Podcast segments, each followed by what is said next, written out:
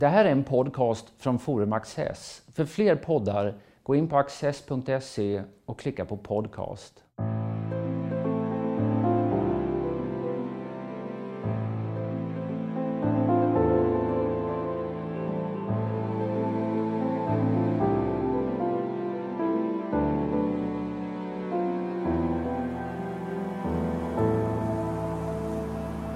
Sampanerna från Kanton är berättelsen om 99 målningar som kom från Kina till Sverige på 1700-talet.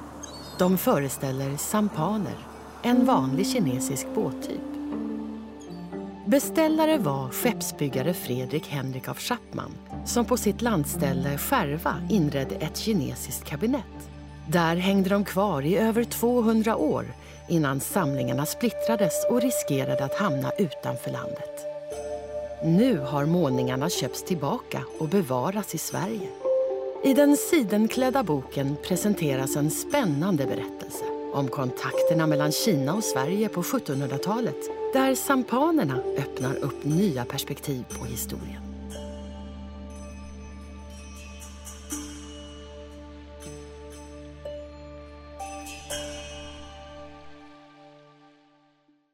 Hej, mitt namn är Jennifer Patersson och jag är marknadsansvarig och biträdande förläggare på bokförlaget Stolpe som tillsammans med Axel och Margret Axon Jonsson stiftelse har haft äran att ge ut den här boken som vi idag ska prata om. Och med mig för att göra det så har jag Svante Tirén som har varit bokens bildredaktör och är också curator. Boken heter Sampanerna från Kanton ska jag såklart nämna här också. Eh, till att börja med, den här boken hade en ganska eller bilderna i den här boken ska jag snarare säga, för det är 99 akvareller som den innehåller. Det var en ganska spännande resa för de här bilderna var på väg att komma utanför Sveriges gränser. Vill du börja med att berätta lite grann om det Svante? Ja, det är en ganska dramatisk historia. Därför att från början så hängde ju de här målningarna på en liten herrgård som ligger utanför Karlskrona. Den heter Skärva och byggdes på 1780-talet av eh, Fredrik Henrik av Chapman som på sin tid var väldigt känd som skeppsbyggare och varvsamiral. Och Skärva det var hans eh, sommarnöje, hans landställe. Men det var också lite av ett arkitektoniskt experiment. Det är byggt som en slags traditionell eh, svensk bondstuga, ryggåstuga heter det och eh, blandat också med till exempel en grekisk tempelportik och inuti så finns det flera olika rum, bland annat ett kinesiskt kabinett och det var där som de här målningarna hängde från början. Eh, av Chapman han var ju en väldigt viktig person i sin tid, både som skeppsbyggare men också som vetenskapsman och mycket annat. Och Skärva blev kan man säga den plats där alla hans tankar samlades. Där fanns hans möbler, där fanns hans eh, konstsamlingar, eh, där fanns många olika typer av föremål som, som speglade hans tankevärld. Och Skärva var en intakt samling då, ända fram till 2013 då det här splittras och säljs. Både lösa föremål men till och med en del av den fasta inredningen säljs på auktion. Och då bestämde man sig för att köpa tillbaka delar av det här, nämligen just gouacherna som Nordstjärnan, som är ett gammalt rederi också, då, eh, bevarar här inom Sverige. Och tanken här är ju just att de dels ska kunna vara en intakt samling, att man inte splittrar dem, men också just att de stannar i landet. Det är väldigt viktigt just för det här är en nyckel till att förstå kontakterna mellan Sverige och Kina på just 1700-talet. För det var just en person från Kina som, som budade på dem och som faktiskt vann budgivningen om jag inte förstått det fel, eller hur? Det stämmer. Eh, samlingen består av 99 verk totalt. Och tre av dem är lite större och de köptes inte upp då i första omgången utan det var en utländsk köpare. Men sen är det så att i Sverige har vi ju en lagstiftning som gör att vi kan bland hindra utförsel av kulturföremål som är särskilt betydelsefulla. Så det blev helt enkelt exportförbud på just de här tre stora och så småningom kunde Nordstjärnan köpa tillbaks även dem och förena dem med resten.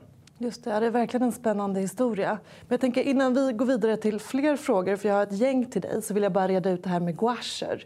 För vi pratar om gouacher och akvareller och jag vet att tittarna också fick se här i introt lite av de här fina eh, målningarna där de hänger på Engelsberg. Men vad är skillnad mellan en gouache och en akvarell? Det är lätt att blanda ihop. Eh, gouache liknar akvarelltekniken men skillnaden där är helt enkelt att man jobbar med täckande färger. Så att om man tänker akvarellen då jobbar man transparent och lite mer flödande medan gouacherna det liknar nästan oljemåleri även om det så att säga är vattenbaserat. Eh, den här boken innehåller förutom de 99 gouacherna också ett eh, stycke essäer som ligger i slutet.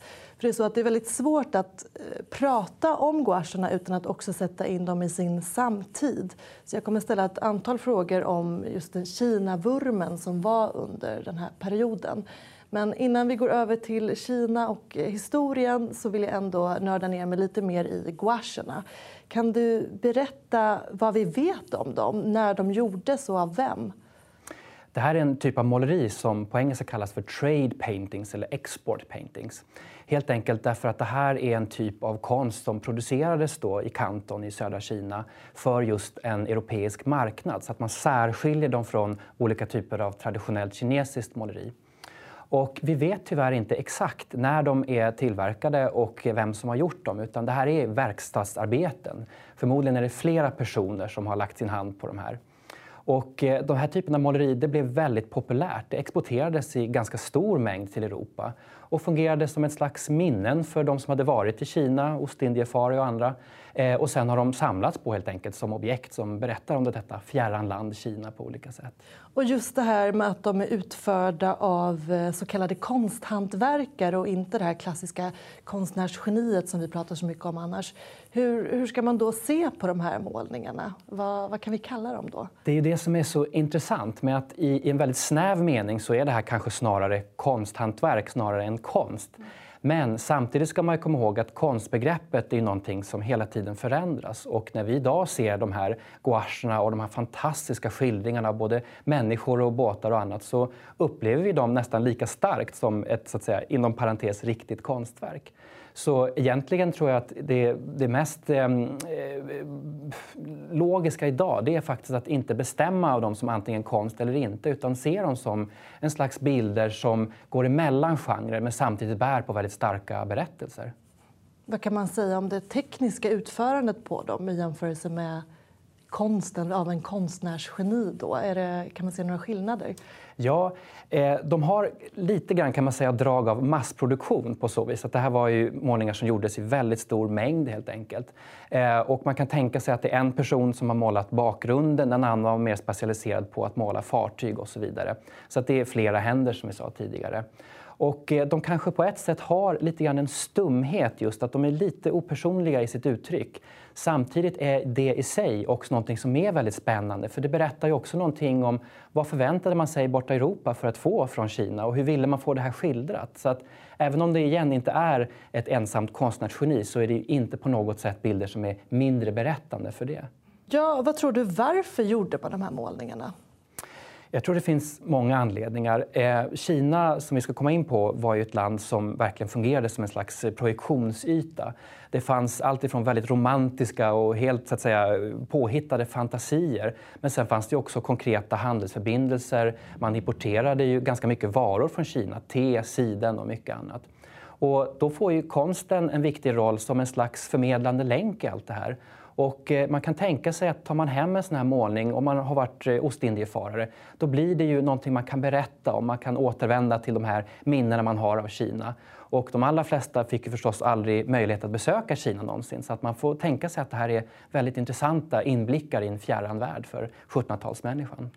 För att Kina var ju verkligen någonting man vurmade för, inte minst i Sverige under 1700-talet. Varför gjorde man det, tror du? Det gjorde man ju i hela västvärlden och faktiskt på flera andra eh, ställen också i världen så blev Kina ett eh, slags drömland, någonting som man fantiserade kring. Och just i Europa, som du säger, så blev det ju på olika sätt att man inom konst och arkitektur och annat eh, använde Kina nästan som en slags motbild till Europa. Kina var eh, ett land som nästan var tvärtom. Både seder och bruk och mycket blev i den europeiska fantasin eh, en slags eh, fantasivärld som satte perspektiv på den egna tillvaron och lite grann en eskapism också. Och det är klart att för oss idag, det är lätt att skratta åt de här väldigt fantasifulla skildringarna av Kina, men för 1700-talet så var det här en, en viktig referens, någonting som man kunde använda som ett tankeexperiment.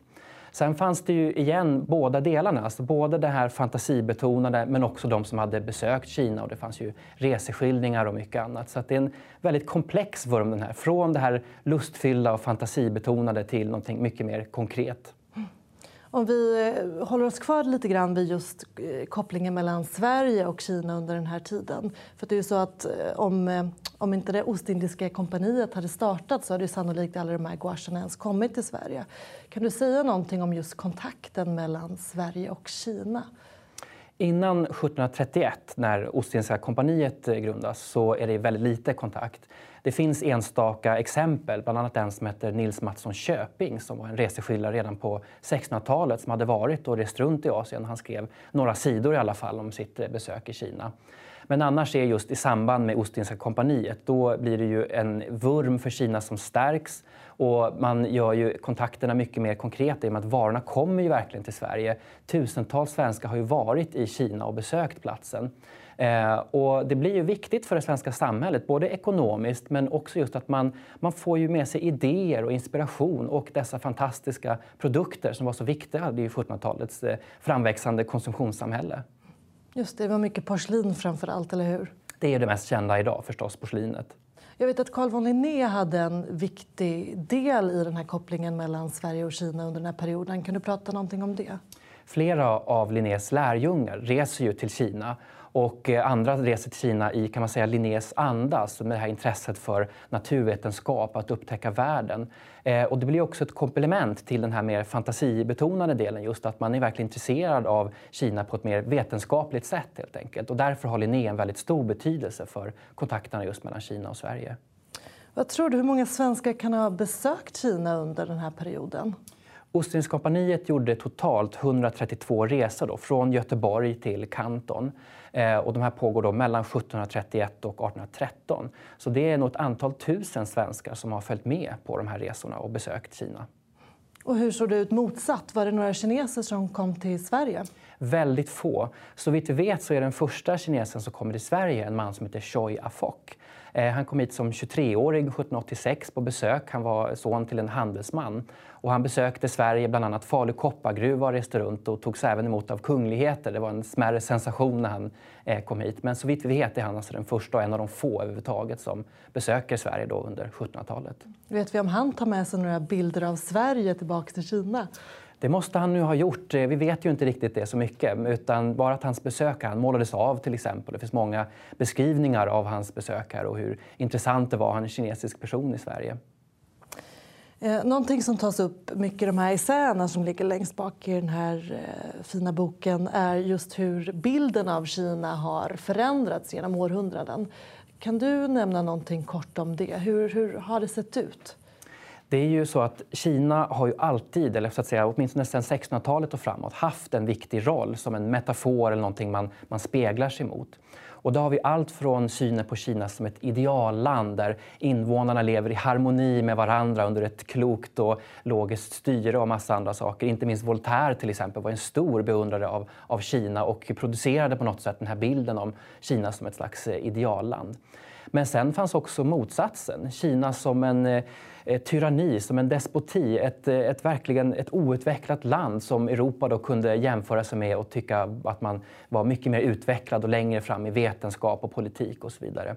Och den här finns ju kvar egentligen ända fram till idag, alltså växelmärkan mellan Kina som ett föredöme eller en motbild eller någonting annat. Så att säga. Det finns ständigt med oss i olika varianter. Mm. Så det har varit lite antingen eller? De har, det har varit starka åsikter om Kina? om man säger. Det har det nog varit, men sen också just de här romantiska delarna också. Så att det finns en hel flora av, av bilder och föreställningar kring Kina.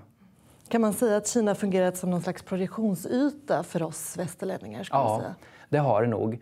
Eh, och det är ju ganska intressant att studera just den. Därför återigen, idag så har Kina väldigt stor betydelse för vad som händer också i Sverige. Och att titta på den här historien, hur man har betraktat och kommenterat Kina på olika sätt, det ger ju oss en väldigt viktig bakgrund till hur vi tänker idag. Vi ska lämna den historiska biten lite grann och gå över till gouacherna igen. Låt oss då börja att titta på en av de här största akvarellerna. Vad är det för någon vi har framför oss nu, Svante? Ja, det här är en av de tre större som föreställer vyer och landskap. De här mindre det är ju bara just de här sampanerna, de här fartygen. Men här får man en lite bredare känsla för Kanton som plats och också det här landskapet med hamnarna och alla fartygen och alla människorna. Eh, den första här det föreställer faktorierna i Kanton. Och faktorierna det var alltså handelsstationer där de här europeiska länderna, bland annat Sverige, då, hade sina hus där man hade kontor och verksamhet för att sköta den här handeln som skedde med Kina. Och som man ser på bilden så är det flera byggnader som ligger i rad och de har också flaggor, bland annat den svenska som man ser där. Och eh, de här faktorierna det var också den platsen som utlänningar var begränsade till att vistas i. Man hade alltså inte någon fri rörlighet runt om i Kina utan från 1750-talet och framåt så var det just, just de här, kring de här faktorierna som man kunde få vistas och besöka Kina. Så då kan man tänka att det var ändå en speciell bild av, eller en specifik kanske jag ska säga, bild av Kina som västerlänningarna fick se här. Just faktorierna har ju nästan ikonisk status här för att det var ju den vyn som alla de här tusentals västerlänningarna som kom hit, det var det här de fick se. Det var faktorierna som var slutpunkten för, för resan. Ska vi övergå till gouache nummer två? Här ser vi en liten ö som kallas för Vampoa. Och det här var den platsen där fartygen la till, den första anhalten alltså innan man kommer in till faktorierna. Och här fanns det också olika verkstäder där man kunde reparera fartygen och göra en första översyn efter den här långa resan. Så även den här ön var en viktig del i upplevelsen av Kanton och också en av få platser då som västerlänningar kunde besöka. Då tycker jag vi tar den sista och tittar på den en gång. Här ser vi också en, en vy och här har vi en koppling också mer specifikt då till av Chapman. Därför det här ser vi nämligen fartyget Kronprins Gustav. Och det var en fullriggare som av Chapman hade ritat. Och med den med i den här målningen så får man knyta ihop samlingen, annars blir den ju väldigt så att säga, långt borta. Men här ser vi att det är verkligen ett beställningsverk hit till Sverige. Och man ser också den här flodmynningen som för västerlänningar kallas för Boca Tigris, men på kinesiska då Humen. Och det var också en väldigt laddad del av det här landskapet just, en beryktad plats där alla de här fartygen kom och som blev också en symbol för när man skulle komma till det här fjärran landet. Låt oss övergå till de mindre, alltså de övriga 96 som ändå är det stora antalet. Vad, vad är det vi ser i dem? Ja, här kan man ju gå i detalj och studera de här sampanerna som det kallas. Sampan det är alltså en skeppsbyggnadstyp som egentligen betecknar flera olika varianter. Och ordet är sammansatt av kinesiskans ord för tre och för bräda. För det är så de är konstruerade i botten, alltså inom tre olika stora träelement. Men sampanerna här de skildrar ju ett helt samhälle som flyter på vattnet. Det finns vaktsampaner, det finns bordeller, det finns sampaner som används bara för transport. Det finns de som används för religiösa ceremonier och mycket, mycket annat. Och I varje sån här bild så kan man se människor, föremål, kläddräkter. Eh, man kan se hur de är dekorerade på olika sätt. Det är gjort med oerhörd detaljrikedom. Samtidigt så är de ju förstås också inte en helt sanningsenlig skildring av hur det var. Bland annat därför att vattnet till exempel är helt stilla på alla bilderna. Det var det nog ganska sällan i Kanton. Eh, men samtidigt så får man också säga att det som forskningen har liksom kommit fram till så här långt nu när man börjar titta på den här typen av konst, det är ju att de är ganska så sanningsenliga när det kommer till vad det är som skildras. Och till exempel så kan man ju på många av de här urskilja exakt vilken slags frukt eller grönsaker det är som säljs på dem. De var väldigt bra på det de gjorde ändå, de här konsthantverkarna kan man säga, eller hur? Det får man säga. Det är rutinmässigt måleri, men det är gjort med oerhörd skärpa och väldig detaljkunskap om hur det faktiskt gick till på den här tiden. För i och med att de är gjorda av kineser själva och eh, konsthantverkare, kan man, kan man tänka sig att de försöker försköna på något vis hur det faktiskt var?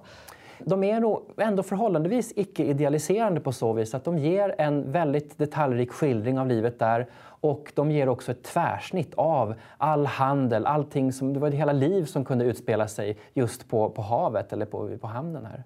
Finns det liknande gouacher eller akvareller av något slag på, på andra ställen runt om i världen? Vet du det? Ja, det finns en hel del sådana här målningar bevarade. Eh, det som är unikt däremot med just Skärvasamlingen här, det är ju att den är så stor och att den är intakt. Eh, och förutom att den är intakt så är den ju dessutom väldigt välbevarad. Varje sån här gouache sitter ju i sin originalram med originalförgyllning och allting. Och till och med glasen i de flesta är ju ursprungligt. Och det är ju ganska fantastiskt att närma sig ett objekt som har ändrat sig så lite sedan slutet av 1700-talet. Hur gör man för att eh, fortsättningsvis bevara dem på det här bra sättet? Då, då? Den största fienden för det här, för det här är ju konst på papper, det är ju solljus. Eh, så det man gör är att de hänger i ett rum då som är mörklagt större delen av tiden. Eh, sen är det översyn, att man tittar på hur pappret mår, hur gouacherna på olika sätt eh, förändras över tid. Men de har hållit väldigt fint trots att de har hängt i en, en fuktig herrgård under väldigt lång tid. De är, även om det är på papper, ganska stabila konstverk. Men det viktiga är förstås att man ser till att samlingen hålls intakt och att man eh, berättar om dem. Det är nästan det bästa sättet att bevara någonting, det är att hålla det levande och relevant även för vår tid. Därav den här boken kan vi också då säga, eller hur? Att vi fortsätter sprida ut dem. Men är det så att du är på Engelsberg och håller koll på just de här delarna, att de, att de sköts väl där på plats? Vi är flera som är där på plats. Och det som är fantastiskt är också att eh, de har ju för sig då förlorat sitt ursprungshem, då, Skärva. Men nu har de hamnat på ett nytt världsarv, nämligen Engelsbergs bruk som dessutom också är en 1700-talsmiljö. Så det känns väldigt fint att kunna se dem idag på en plats som på många sätt anknyter till deras ursprung. När de här gouacherna kom till Engelsbergs bruk så skulle ni packa upp dem och sätta dem på sina platser. Och då vet jag att det var lite speciella omständigheter och lite djur som hade tagit sig in där till och med. Kan du berätta om det? Det är ju så att när man hanterar konst som är mer än 200-250 år gammal så hör det ju till att de åldras lite grann och är med om olika saker. Och det första vi märkte när vi packade upp dem det var ju dels att de var lite tillsmutsade och sen hade de också haft då skadedjursangrepp. Och det är kanske inte helt konstigt just eftersom att de hängt i en fuktig trähärgård då i 200 års tid. Eh, så det vi gjorde var att vi tog dem till en konservator som såg över hela skicket, eh, la in lite skyddande lager ibland för det är ju konst på papper som sen ligger på trä. Och det ska man gärna isolera lite grann just för att de ska hålla över tid. Eh, så de är kan man säga, väldigt, väldigt försiktigt rengjorda och stabiliserade, men så lite som möjligt. För det är också nyckeln till att bevara någonting, det är att inte göra några stora ingrepp. Så att egentligen är det en lätt konservering som har gjort att de idag ser så fina ut som de gör. Men vi kan anta då att det är vissa mindre skillnader från när de gjordes där någon gång på 1700-talet till hur de faktiskt ser ut idag gissar jag. Man får ju tänka sig att färger och sånt ändras ju lite grann över tid men i stora drag skulle jag nog säga att de ser nog ungefär ut så som de gjorde även på 1700-talet. Det finns en färgintensitet, det finns denna fantastiska detaljrikedom. Jag tror att upplevelsen är nog ganska lik. Och återigen, det blir ju inte sämre av att vi dessutom har originalglas och originalramar. Just det.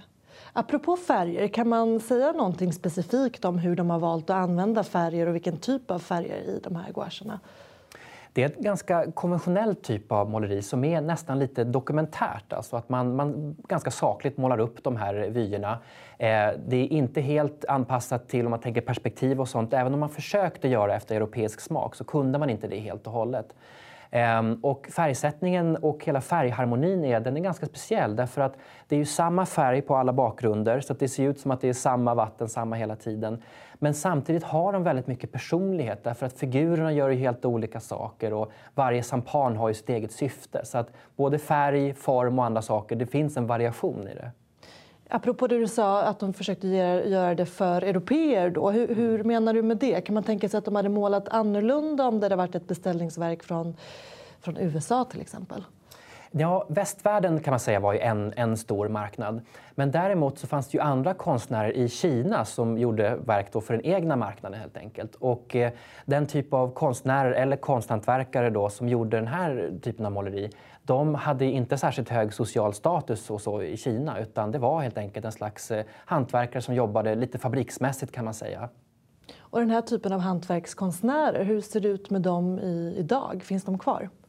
Ja, det finns ju egentligen kvar, både i, i alla delar av världen finns det ju måleri kan man säga som utförs lite mer slentrianmässigt eller om man tänker hötorgskonst är ju ett känt ord här hemma i Sverige och så. Men det man ska komma ihåg här det är ju att eh, det här blir ju inte mindre värdefullt återigen bara för att det är så att säga exportmålningar utan det är ju en bild av 1700-talet, en ingång till den här tidens tänkande från båda sidor. Och även om de inte är så att säga exakta dokumentära skildringar så är det ju ändå ett exempel på just eh, en slags eh, utväxling av syn på varandra. Alltså i Europa hade man ju en bild av Kina eller flera olika bilder av Kina. Eh, I Kina visste man ju det här och ville göra ett bildspråk som motsvarade det tillbaka. Så att det speglas runt liksom i flera varv kan man säga i de här målningarna. Avslutningsvis, Kina är ju verkligen tillbaka på världsscenen. Finner vi någonting motsvarande idag till den här kineseriet som var under 1700-talet? Det som har hänt nu det är ju att man i Kina blivit väldigt intresserad igen av den här typen av konst och det köps tillbaka ganska mycket. Eh, och det i sin tur har ju också gjort att man här i Europa och USA bland annat börjar uppmärksamma de här samlingarna av kinesisk konst på ett annat sätt än tidigare. Eh, och eh, det som också har hänt är ju att man via den här nya uppmärksamheten också får ställa sig frågan hur man behandlar de här. Därför att de har ju under ganska lång tid varit behandlade lite som ja, en slags dekorativ kuriosa ungefär. Så att säga. Man har inte riktigt tagit dem på allvar. Men nu har det kommit igång lite forskning och nu har man börjat titta på de här på ett annat sätt. Så att vi får se vad som händer framöver. Vad tror du själv? Jag tror att eh, Kinaintresset det kommer alltid finnas där i olika former. Eh, tittar man på historien och historiens alla växlingar så får man mer kunskap och mer förståelse för varför vi är där idag och förhoppningsvis också mer eftertanke inför framtiden. Tack så jättemycket Svante för att du kom hit. Tack.